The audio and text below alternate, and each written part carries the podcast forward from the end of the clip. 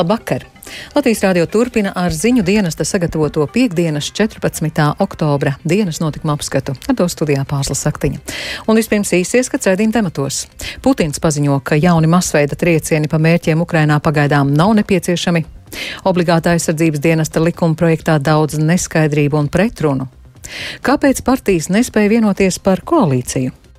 Dažādās vērtības ir viens. Jūsu partija mēs nevēlamies vienkārši tāpēc, ka jūs esat jūs. Pelīts ļoti labi pēdušas un ir tādā zināmā komforta stāvoklī, lai arī, nu, varbūt ir enerģētiskā krīze, var arī vēl līdz jaunajam gadam nevienoties. Ceļa stabiņi un atdures barjeras dažviet Rīgā apdraud cilvēku drošību. Daudzos stabiņos atstarojošo elementu vairs nav, vai ir palikuši tikai vietumis, un tie fragmenti vējam pūšot plivinās. Jauni masveida triecieni pa mērķiem Ukrainā pagaidām nav nepieciešami. Par to paziņoja Krievijas prezidents Vladimirs Putins, paužot pārliecību, ka līdzinējie uzbrukumi ir bijuši pareizi un attaisnojami. Eksperti gan prognozē, ka šie Putina izteikumi liecina par to, ka Krievijas bruņotajiem spēkiem tiešām sāk aptrūkties raķešu. Vairāk stāstuģis Lībētis. Dienā, kad Ukrainā tiek atzīmēta dzimtenes aizstāvja diena, Ukrainas prezidents Valdemirs Zelenskis ir solījis pastiprināt uzbrukums, lai pēc iespējas ātrāk pietuvinātu uzvaru pāri iebrucēju. Pēc Zelenska vārdiem valsts un tās iedzīvotāju nākotne šobrīd ir tiešā veidā atkarīga no tiem, kas atrodas ierakumos frontes pirmajās līnijās. Prezidents solījis darīt visu iespējamo, lai atbrīvotu visus arī gūstā kritušos ukraiņu cīnītājus. Turpinoties Ukraiņas spēku virzībai uz priekšu, ārvalstu militāri eksperti uzskata, ka Ukraiņas bruņotie spēki jau nākamajās nedēļās varētu mēģināt uzsākt okupētās Helsonas atbrīvošanu. Tās ieceltie vadoņi tikmēr aktīvi mudina uzsākt pilsētas evakuāciju. Taču daudz viet arī manām satraukums par to, ka jebkāda Ukraiņu virzīšanās uz priekšu var izprovocēt jaunus Krievijas triecienus, postījumus un upurus. Kā šodien pēc tikšanās ar saviem sabiedrotajiem Kazahstānā paziņoja Krievijas prezidents Vladimirs Putins, Ukrainā notiekošais ir attaisnojams un Krievijas puse ir rīkojusies pareizi.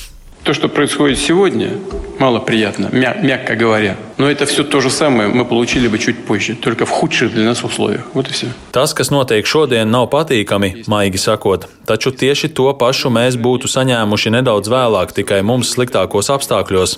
Tāpēc mēs rīkojamies pareizi un saulaicīgi. Mums nav bijis mērķis iznīcināt Ukrainu. Redziet, Krimā dzīvo 2,5 miljoni cilvēku. Viņiem ņēma un atslēdza ūdeni. Mūsu karaspēkam bija jāiet un jāatgriež ūdens piegāde Krimai.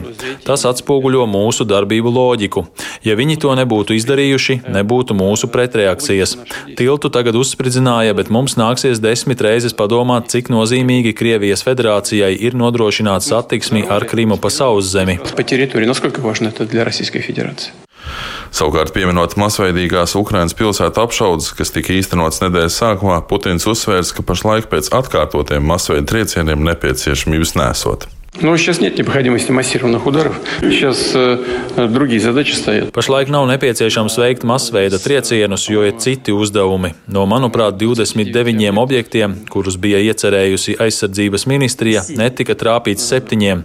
Taču šie objekti tiek savākti pakāpeniski, bet masveida triecieni pašlaik nav nepieciešami. Vismaz pašlaik, pagaidām, bet vēlāk tad jau redzēs. No, tam vidno будет. Kā norāda Britu izlūkdienesti, šādi Putina paziņojumi varētu apstiprināt to, ka Krievijai tiešām sāk aptrūkties raķešu, un arī arsenālu tik drīz papildināt nemaz nebūs iespējams. Tāpēc arī izskana ziņas par iespējamo pamieru vai elpas atpilkšanu pirms nākamā uzbrukuma. Savukārt Ukrainas aizsardzības ministrs Aleksandrs Rezņikovs ir paziņojis, ka kopš kara sākuma uz Ukrainu ir izšauts 1844 dažādas raķetes, no kurām 609 ir tikušas notriektas. Rezņikovs arī paskaidrojis, ka ļoti aktīvi un arvien efektīvāk tiek notriekti arī Irānas Krievijai pārdotie droni pašnāvnieki. Tāpat Krievijas prezidents ir pieminējis arī tā dēvēto daļējo mobilizāciju. Putins apgalvo, ka līdz šim mobilizēti jau ir aptuveni 220 tūkstoši cilvēku, bet pilnībā mobilizācija tikšot noslēgta aptuveni divu nedēļu laikā. Putins arī solīs, ka visiem iesauktajiem tiks nodrošināta gan pienācīga apmācība, gan ekipējums. Dažādos sociālajos medijos pieejamie video gan liecina, ka mobilizētajiem dzīvot nāks visai neapskaužamos apstākļos. Morāli ir ļoti zema, un arī karavīru indās ir novērojama, piemēram, zakšana.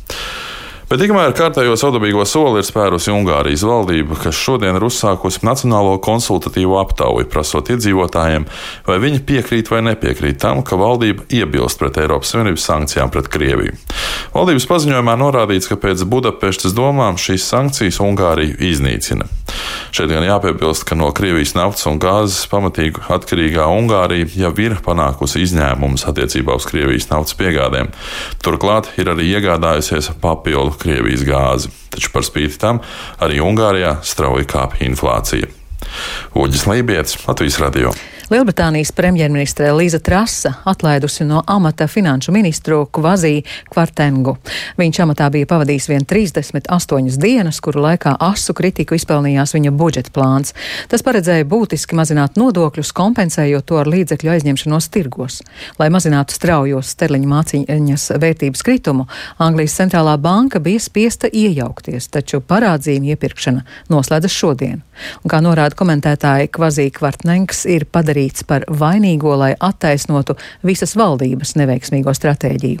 Par jauno finanšu ministru izvirzīts bijušais Britu ārlietu ministrs Džeremijs Hants. Viņš paudis pārliecību, ka spēs padarīt Britu ekonomiku par ļoti konkurētspējīgu.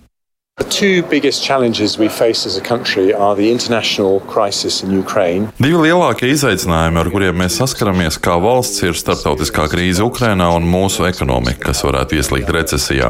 Un es esmu pieredzējis ārlietu ministrs, daudz pieredzējušāks par jebkuru šīs valdības pārstāvu vai amata pretendentu. Es esmu cilvēks ar uzņēmējdarbības pieredzi, kurš ir izveidojis savu uzņēmumu. Es varu likt ekonomikai attīstīties. Es varu pārveidot mūs nevis par ķeltu tīģeri, bet par britu lauvu, samazinot uzņēmumu nodokļus un sniedzot viskonkurētspējīgāko vidi tiem cilvēkiem, kuri vēlas uzsākt savu biznesu, līdzīgi kā to darīju es.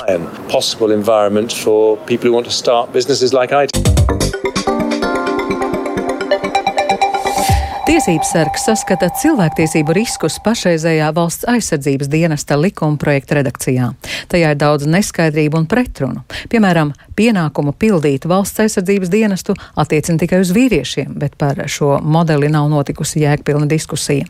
Tāpat ir nepieciešams skaidri noteikt, vai personai ir tiesības valsts aizsardzības dienesta vietā brīvi izvēlēties pildīt civilo dienestu. Tiesības sarga biroja pārstāve Ruta Siliņa uzsver, ka Tiesības sarga birojas nav pret ideju, ka sabiedrība jāiesaista valsts aizsardzībā, bet likumprojekta saturs šobrīd ir nepilnīgs un pieļauj dažādas interpretācijas. Vienīgais, kas ir skaidrs, ir, ka, ja tu esi aktīvajā dienā, tad tev 11 mēneši ir aktīvi jādien. Bet, ja ir visas pārējās alternatīvās formas, kaut vai tad, ja tu dienu zemesardzē, ir pateikts ne mazāk kā 5 gadi, bet tu, cik tad ilgi viņam būs jādien tajā zemesardzē, lai viņi varētu, nu, tā kā pielīdzināt kā šo aizvietojošo elementu, vai tie būs 7, 10 gadi. Te ir vēl virkni šāda liela neskaidrība, bet mūsu galvenais uh, akcents ir uz to. Šajā sabiedrībai un mūsu valstī tik ļoti būtiskajā jautājumā ir jābūt pilnīgi skaidram katram. Man kā individam, jau uz mani tas attiecās, ko man tas nozīmē, kāda ir mana izvēle no tā piedāvātā aranžējuma un kādas ir ilgums un manas saistības. Jo šeit nedrīkstētu būt tas, ja tāda, cik tālu, cik tālu var būt šādi. Priekšlikuma iesniegšanas termiņš grozījumiem otriem lasījumam valsts aizsardzības dienesta likuma projektam ir noslēdzies, un saimnes atbildīgā komisija priekšlikumus vērtēs nākamnedēļ. Galds uz trim vai četrām kājām. Šis šķiet ir viens no biežāk dzirdētajiem salīdzinājumiem saistībā ar jaunajā saimā ievēlēto politisko spēku koalīcijas veidošanas sarunām. Jautājums nav atrisināts te jau divas nedēļas. Latvijas Rādio Rīgā uzrunātie cilvēki uzskata, ka sarunas var ilgt arī mēnešiem. Kāpēc partijas nespēja vienoties, viedokļus apkopoja Viktors Demīdovs. Nu, protams, jo ilgāk tās sarunas rīt, jo tas kļūst nogurdinošāk un kaitinošāk.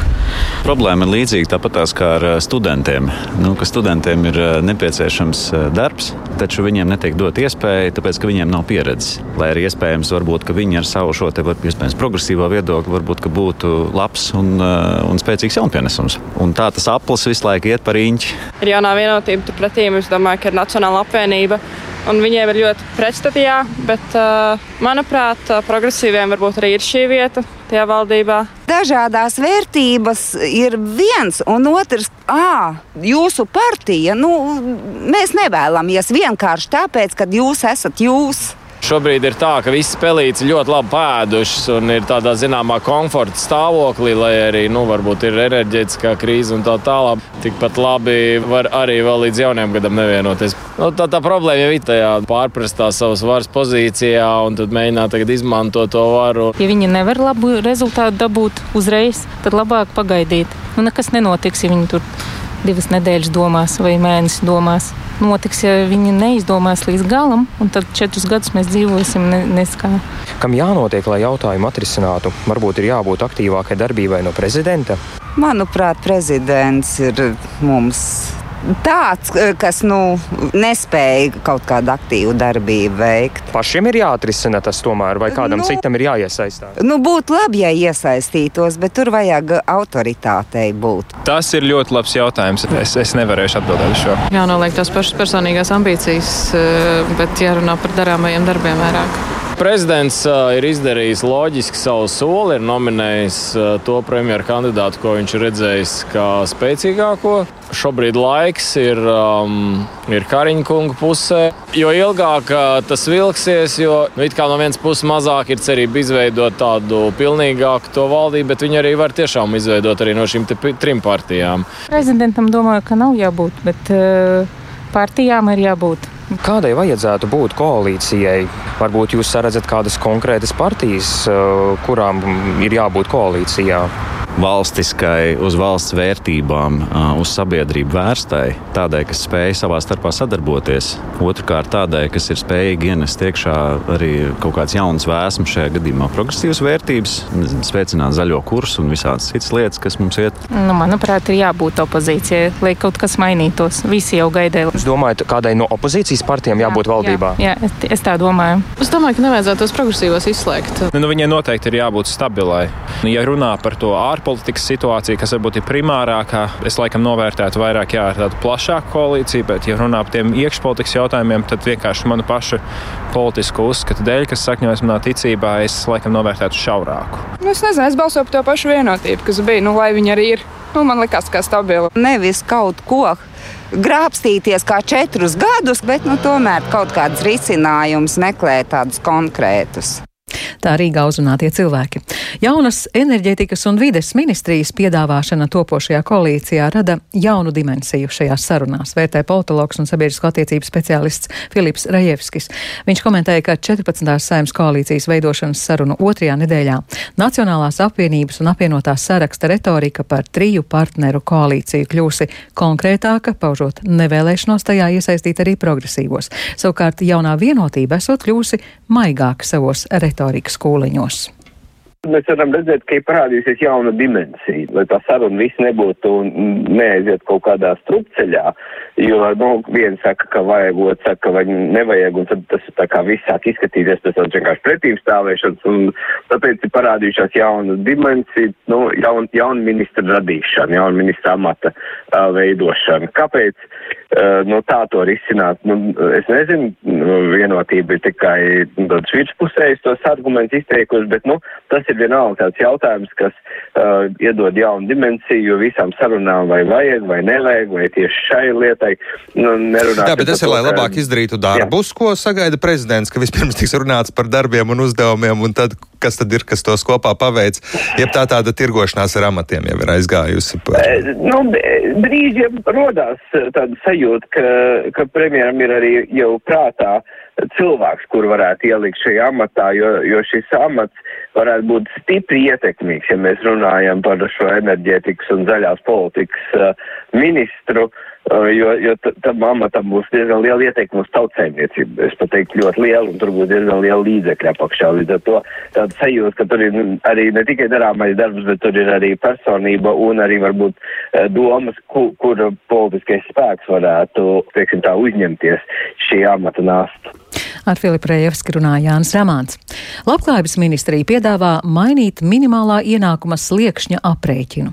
Pat labam to izsaka eiro izteiksmē, bet pēc reformas rēķinātu procentuālo vērtību no visu mājasaimniecību rīcībā esošo ienākumu mediānas jeb viduslīnijas. Turklāt to paredzēts pārskatīt katru gadu, nevis kā līdz šim neretāk par reizi trijos gados. Ir cerība, ka minimālā ienākuma sliekšņa reforma dienas gaismu ieraudzīs no nākamā gada. Lai Latvija saņemtu trešo Eiropas komisijas maksājumu, jāizpilda visi 2023. gadam paredzētie mērķi un arī šis.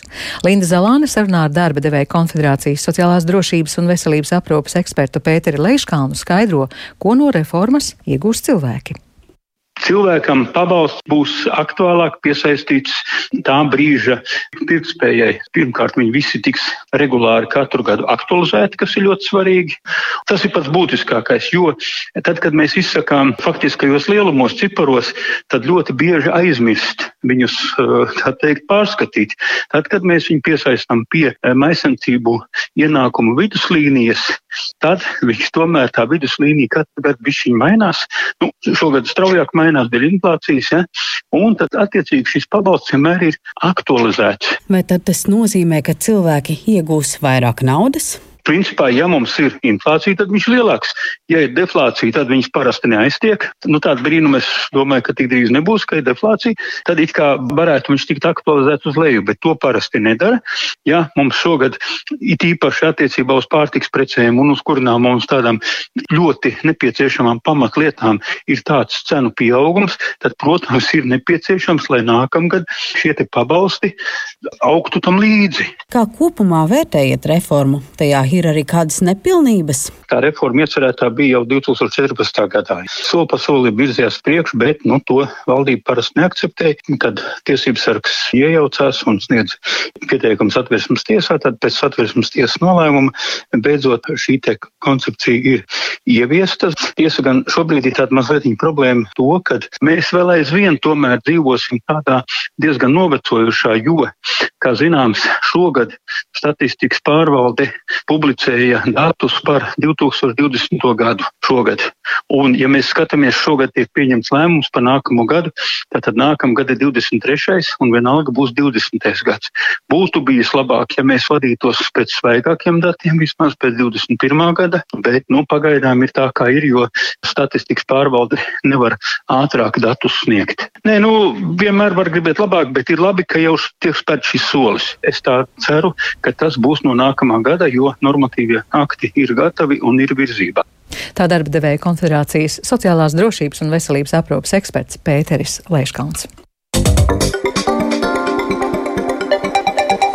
Rīgas doma plāno sabiedriskajā transportā pāriet tikai uz stundas biļeti. Iecerēts, ka tā varētu veicināt pasažieru pārsēšanos no viena transporta veida citā, tādējādi divreiz par to nemaksājot. Rīgas domas priekšsēdētāja vietnieks satiksmes infrastruktūras un attīstības jautājumos Vilnis Čirsis no jaunās vienotības norāda, ka tad varētu ieviest saliktos maršrutus. Piemēram, nezinu, pirmais autobus šobrīd brauc no Berģiem uz centru. Viņš brauc lielu daļu šī maršrutu paralēli pirmā tramvaja sliedēm, nu, kas nav īsti efektīvi. Un tad, teiksim, tā izēja būtu, ja šis autobus brauk, piemēram, no Berģiem līdz Juglai, Juglā varētu pārsēt tramvaju, tādā veidā mums būtu resursi, lai gan palielinātu šo te abu uh, maršrutu reisu skaitu. Bet, lai to varētu īstenot, ir cilvēkam jābūt iespējai pārsēsties par to nemaksājot vairāk. Jā. Pieņemsim, ka tas varētu būt plus mīnus ar jauno gadu. Tuvāko divu nedēļu laikā pašvaldība nāks ar paziņojumu par izmaiņām arī mēneša biļešu cenās un paredzēts, ka biļetes būs lētākas. Drošs kļuvis par bīstamu. Tā var raksturot stabiņus ielās, kas vietām Rīgā ir mainījuši krāsu un izskatās noplukuši. Līdzīgas problēmas ir arī ar norobežojošām atduras barjerām, kas tumsā vairs ne, neatspīd. Latvijas rādio uzrunātie cilvēki norāda, ka tādi satiksmes drošības elementi pat apdraud. Turpretīm vietvairāji šo drošības elementu atjaunošanā vienota viedokļa nav. Un vairāk Viktora Demīdova reportāžā. Šobrīd atrodos Ķīpsavas ielā, kur visas tās garumā pie krustojumiem gājēju pārējām ir uzstādīti stabiņi un ceļu norobežojošās atdures, kas nodala velojoslu no braucamās daļas. Daudzos stabiņos atstarojošo elementu vairs nav, vai ir palikuši tikai vietumis, un tie fragmenti, vējam pūšot, mazliet plivinās. Melnie plasmasas elementi risku rada it īpaši diennakts tumšajā laikā, kad tos pamanīt ir grūti. Arī uz vairākām atdurēm atsturojošie elementi vairs nav manāmi. Dodos noskaidrot, ko par to domā ielās sastaptie cilvēki. Viņiem ir jāizskatās normāli, lai viņi vispār lai, lai viņi funkcionētu kā atsturojoši elementi. Savādāk, nu, tum, tumšais laiks, kas notiek, ja nav, vai ne? Kalātnes, kā kā iet. Некую просто решили поставить, поставили. Tā ir kaut kāda nolaidība. Vienkārši nolēma uzstādīt un uzstādīja, bet nepārdomāja, kādas var būt sekas pēc tam. Stabiņus vajag uzlabot. Vakar stundās nedaudz bīstam var ietriekties tādos, ja starojums ir nogājis nost. Ja viņi netaisa savu funkciju, neatstarot, tad noteikti no viņiem nav jēgas. Atstarotāju uz stabiņiem un atdurēm dažviet trūkst arī skolas un Lāčplēša ielā, kas ir ievērojami intensīvākas ielas nekā Ķīpselā. Cilvēku viedoklim piekrīt satiksmes eksperts un drošas braukšanas skolas direktors Jānis Manks, norādot, ka jebkuram risinājumam, kas kontrolē vai ierobežo ceļu satiksmi, ir jābūt nepārprotamam un skaidri redzamam. Varbūt tur ir jāizskata tas tehniskais risinājums un jāatrod kaut kāds varbūt cits variants, kā, vai, vai kā cits ražotājs, vai kaut kā tam līdzīga, lai tomēr šie elementi kalpotu ilgāk un būtu labāk redzami un arī pildītu labāk to savu uzdevumu. Nu, viss jau šajā dzīvē kādreiz nolietojas un paliek vecs un ir jāmaina. Nu, Tā atzīst Rīgas domas satiksmes un transporta lietu komitejas vadītājs Olavs Pulks no jaunās vienotības, apsolot, ka pašvaldība sabojātos stabiņus saremontēs vai nomainīs. Turpretim atdures vietvara atjaunot negresās. Tur atsturojošais elements nav obligāts, jo atdurēm ir cita funkcija. Ja būs tā, kā jūs sakat, ka kādam nepietiks tikai ar atduri, bet vajadzēs arī vēl, lai būtu šie atsturojošie elementi, tad, protams, ka mēs rīkosimies. Bet nu, pašlaik mums nav tādu ziņu vai indikāciju. Atgriežoties pie stabiņiem, Pulks apgalvo, ka pateicoties tiem, gada laikā satiksmes drošība galvaspilsētā ir uzlabojusies.